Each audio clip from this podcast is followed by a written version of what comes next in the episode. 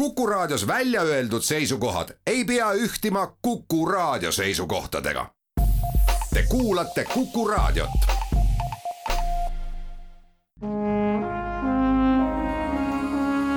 Vanemuise veerand. tere kõigile, kes meid kuulavad, on aeg rääkida Vanemuise teatri tegemistest. mina olen saatejuht Tiiu Rööp sel korral on külaliseks Vanemuise balletijuht Mare Tomingas, kellega räägime kui ooperi Cyrano de Bergerac lavastaja, kostüümi- ja lavakujundaja ning valgus- ja videokujunduse idee autoriga. jutuajamine, mida te kuulete, on räägitud paari nädala eest. me hakkame rääkima Eino Tambergi ooperist Cyrano de Bergerac, mille esietendus on kahekümne teisel aprillil Vanemuise teatri väikeses majas. kahekümne teisel aprillil on esietendus ega seda kevadhooaega väga palju ees olegi enam. mitu etendust jõutakse sellel hooajal anda? hooaja lõpuetendustega, esietendustega ongi see halb asi, et me anname ainult kolm etendust selle ooperiga, et õieti nagu mänguhoogu sisse ei saa, sellepärast kui meil on kaks koosseisu, siis üks koosseis saab kaks etendust ja siis teine koosseis saab ainult ühe etenduse ja siis tuleb suvepuhkus ja ma arvan, et, et siis sügisel tegelikult mõnes mõttes tuleb jälle nullist alustada, sest kes see kõik äh, seda mäletab, mis on tehtud, aga meil on enne esietendust kaks kontrolletendust, kahekümnendal ja kahekümne esimesel aprillil. see annab äh, väga hea ettevalmistuse siis nendeks järgnevateks etendusteks. Eino Tambergi Cyrano de Bergerac'i loetakse asjatundjate poolt kolme Eesti parima ooperi hulka kuuluvaks. Jaan Krossi kirjutatud libreto on erakordselt hea, erakordselt hea on Eino Tambergi loodud muusika, see on romantiline, võib-olla veidi ka sentimentaalne. Eino Tamberg ei ole üldse salanud, et see võib olla sentimentaalne. mis sind tugevamalt kõnetas, kas Eino Tambergi loodud muusika või Jaan Krossi kirjutatud libreto?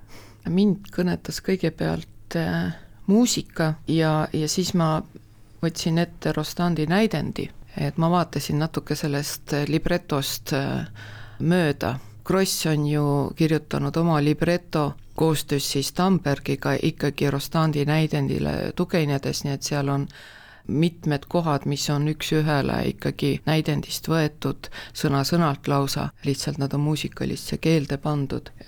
sa ütlesid, et sentimentaalne, ma ei ütleks, et ta nii väga sentimentaalne on, et see tegelaskuju ähm, kes äh, on läbiv selles etenduses, kelle kanda, kelle juhtida, on terve see mäng, mis laval toimub selles ooperis, on väga keeruline konfliktne persoon, sentimentaalsust see on huvitav, ma ei oleks ise selle peale tulnud, sest eks ma vaatan täiesti ooperile hoopis teise pilguga, et ma ei mõtle ooperikaanonites nagu ma ütlesin, et ma võtsin aluseks ikkagi näidendi ja siis hakkasin otsima neid kohti, mis leiavad kinnitust selles muusikas, tekstides, ooperiga selles mõttes on raske, et lavastaja saab tegelikult peaaegu et valmis materjali. on väga raske midagi ette võtta, kuidas sina tahaksid näha seda ühte teemat. Eino Tambergi muusika andis mulle väga palju julgust just minna näidendi rada pidi, sest äh, laulu tekstide vahel on muusikasse ikkagi peidetud väga palju dramaatikat, värve, kas nad siis kirjeldavad vastavat äh, situatsiooni, suhteliini, tegelase hetke tunnet, emotsiooni, et äh, see oli nagu ja see siiamaani on väga, väga suur töö tegelikult, et äh, jõuda ikkagi originaalmaterjalile, ma mõtlen ikkagi jälle näidendit, niivõrd lähedale, kui see ooper valmismaterjalina üldse võimaldab. lugu läks minu jaoks lahti siis, kui ma sain enda kätte Tambergi originaalklaviiri originaalklaviiris on tegelased, keda nüüd viimastes variantides või ainukeses kahes lavastuses, mis on tehtud Estonias, neid tegelasi ei eksisteeri ja millest on väga-väga suur kahju, sest eh, need tegelased on õigustatult ju sees näidendis, üks tegelane on Le Bret, kes on Cyrano pea et ainuke sõber, kes julgeb talle üldse midagi öelda, teda manitseda, seda viimases klaviiris eh, üldse ei eksisteeri aga kuna ma sain selle originaalklaviiri enda kätte, siis ma väga palusin muusikajuhti Risto Joosti, et teeme need kupüürid lahti, et natukenegi anda juurde Cyrano karakterile toetust, mida need kõrvaltegelased suhtes temaga nendes stseenides võimaldavad. muidu jääks Cyranost tõesti, võib ju lavastada seda niimoodi, on uljas mõõgakangelane, kannatab kohutavalt selle all, et on üks äh, kaunis naine, keda ta iialgi ilmselt enda kõrvale ei saa. Äh, ja siis on veel üks noor armastaja, Kristjan, kes ka armastab seda saatuslikku naist. Ja tegelikult võibki minna niimoodi puhtalt kolme sirget liini pidi, seal on oma sõlmpunktid, võib teha nii-öelda kannatava ooperi täiesti vabalt selle materjali põhjal. aga Cyrano karakter on äh, minu meelest kõike muud. ta on väga vastuoluline, ta on pigem antikangelane. tolles ajas, kui Rostan selle kirjutas, see on siis üheksateistkümnendal sajandil, see romantiline vool, see oli ju väga, väga populaarne ja ilmselt omas ajas ta töötas ja ka hiljem, suured tunded, ülevoolavad isegi tunded, aga milles on siis selle, selle peategelase konflikt, see on aegade jooksul jäänud kuidagi ma ei ütle nüüd, et mina lahendan selle ära, aga, aga asi ei ole ju ninas. et enamus inimesi, kes on lugenud, kes on näinud filmi või midagi, öeldakse Cyrano de Bergerac on suur nina, nii naljamees, mõõgamees, rumal armastaja võib-olla, aga Cyrano on enamat, ta on poeet, ta on leiutaja, ta on tohutu autundega mees, samas ma kõrvutan teda Mephistoga.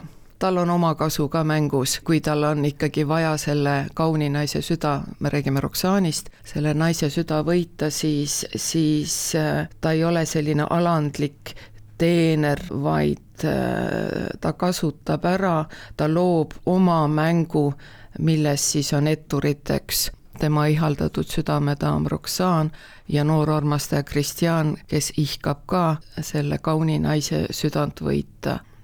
selles mängus, mida, mida Cyrano hakkab juhtima, ei ole võitjaid, sest valedega ei võideta armastust tegin suure-suure kopüüri etenduse lõpus, kus äh, näidendit järgides ja siis vana libretot jälgides on väga palju üleseletamisi. minu etenduses selleks hetkeks, kui, kui on, on läinud viisteist aastat mööda, Kristjan on äh, surnud, ta on aru saanud Cyrano pettusest, Roxanne püüab viisteist aastat lugeda hüvastijätu kirja, mida ta arvas, et kirjutas Kristjan, tegelikult ju kõik need kirjad, kõik need sõnad tulid ju Cyranolt. ja, ja siis on tegelikult hetk, kus enam ei saa edasi minna, Cyrano tuleb Roxani juurde, et siis üles tunnistada oma patt, oma skeem, mida ta punus, millel ilmselt ta lootis, et on helge lõpp, aga see ei ole võimalik, kui nii palju asju on valedele rajatud. ja Roxanne saab aru selle mängu keerukusest ja saatuslikkusest.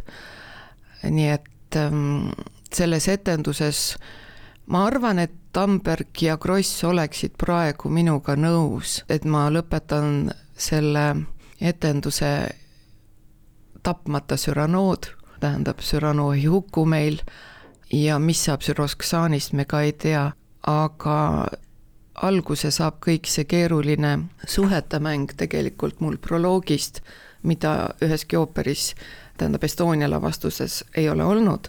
nimetame seda tegelast, oma mõtetes ma nimetan teda Rostaniks, me võime nimetada teda poeediks, et etendus algab tegelikult draamatekstiga. draama osaga publiku ees on mees, poeet või lihtsalt mees, kes mõtleb mõtteid, kuidas läheneda, kuidas kirjeldada, kuidas puudutada ihaldatud naise hinge ja siis ta pakub välja variandi publikule, kuidas tema mängib Cyranood. et meil on kaks tegelast, alguses on siis mees, poeet, kes hakkab mängima Cyranood. Nii et Cyranool ei peagi olema suurt nina üldse, nina ei puutu üldse asjasse ja etenduse lõpus on tühjal laval ainult kaks tegelast. on Kristjani hing läbi koori meditatiivse ladina teksti ja on kaks inimest, Roxanne ja Cyrano. Cyrano tegelikult kui lihtne mees, kellel on täiesti tavalised lihtsad mõtted, unistused, ihad ja tegelikult väga palju seal ei ole enam midagi rääkida, kõik on selleks hetkeks juba selge selline lähenemine, väga keeruline seletada, väga keeruline seda kõike vajata ette tuua, aga, aga kui vaataja või kuulaja arvab, et see on maru traagiline ooper ja, ja siin nalja ei saa või on sellised suured traagilised passaažid ainult ja ahastamine, siis seda see kindlasti ei ole et kuna lavastaja on ka koreograaf, ähm, siis äh, kindlasti on selles etenduses äh, väga palju liikumist, äh, väga hea tempo, sest praeguste läbimängude kohaselt on see etendus ainult kaks ja pool tundi pikk mis on vägagi hea tempo ühe kolmevaatusellise ooperi kohta, kusjuures ma olen toonud ju stseene juurde, mis kunagi olid kopüüri all ja isegi draamasstseene, et meie lauljad äh, kogu aeg ka ei laula. mis ma tahan öelda, on see, et, et et äh, suurte tõsiste teemade kõrval on sisse kirjutatud tegelikult ka subretipaar, mida kasutatakse operettides, see on Kõrts Mikrogeno ja tema naine Liis, väga, ma arvan, karakteersed ja vaimukad poeedid, nii et see ei ole selline musta halli varjundiga staatiline ooper, kuigi lavakujunduses. Ma kasutan musta ja halli värvi ja ma üritan teha mustvalget etendust. Et see minu mõtetes sobib kõige enam selle seitsmeteistkümnenda sajandi koloriidi juurde, kus tegelikult kõrgklassil oli, oli võimalus kanda väga värvikaid ja uhkeid kostüüme, aga tavainimeste elu ja Cyrano ongi tavaline mees, sõdur, siis teda ümbritsev maailm nii värviline ei ole. mina ei elanud seitsmeteistkümnendal sajandil, aga igal lavastajal tekivad oma värvid etendusega ja minu värvid on must, hall, võib-olla ka hallisegune, kollane, ma loodan, et väga palju aitab sellele atmosfäärile kaasa nii valgus kui videokujundus, mis peaksid olema pigem toetavas ja aimatavas seisuses, et päris mingisugust filmi me ei näita. vaatame, kuidas me sellega hakkama saame, et praegu kaks nädalat enne esietendust on veel kõik võimalik ja selle nimel me töötame saatejuht Tiir Ööp tänab Vanemuise balletijuhti Mare Tomingat ja kõiki teid, kes te kuulasite. jälle kuulmiseni! Vanemuise veerand